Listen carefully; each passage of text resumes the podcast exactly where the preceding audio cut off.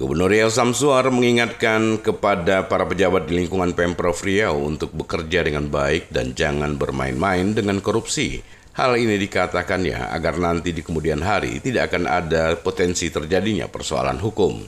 Lebih lanjut, Gubernur juga mengimbau agar para ASN bekerjalah dengan benar sesuai aturan yang berlaku sehingga tidak ada masalah hukum di kemudian hari. Ada nih pemeriksaan di apa harapan Pak atau pesan-pesan terhadap pejabat yang lain agar Uh, ya pertama agar mereka berhati-hati agar bekerja dengan benar sesuai dengan peraturan perundangan berlaku sehingga nanti tidak ada terjadi masalah hukum di kemudian hari.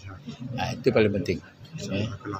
Ya, jadi uh, apa namanya saya ah, bagaimana persoalannya aku tak tahu karena aku belum belum kembali. Seperti diberitakan sebelumnya, dua pejabat pemerintah Provinsi Riau memenuhi panggilan dari penyidik Komisi Pemberantasan Korupsi di Gedung KPK RI di Jalan Kuningan, Jakarta. Kedua pejabat tersebut adalah Kepala Biro Pengadaan Barang dan Jasa Sedda Prof Riau Rahmat Rahmadianto dan Kepala UPT Jalan dan Jembatan Wilayah 4 Dinas Pekerjaan Umum Penataan Ruang dan Perumahan Kawasan Pemukiman Pertanahan Riau Yunan Haris. Prima Ermat Tim Liputan Barabas melaporkan.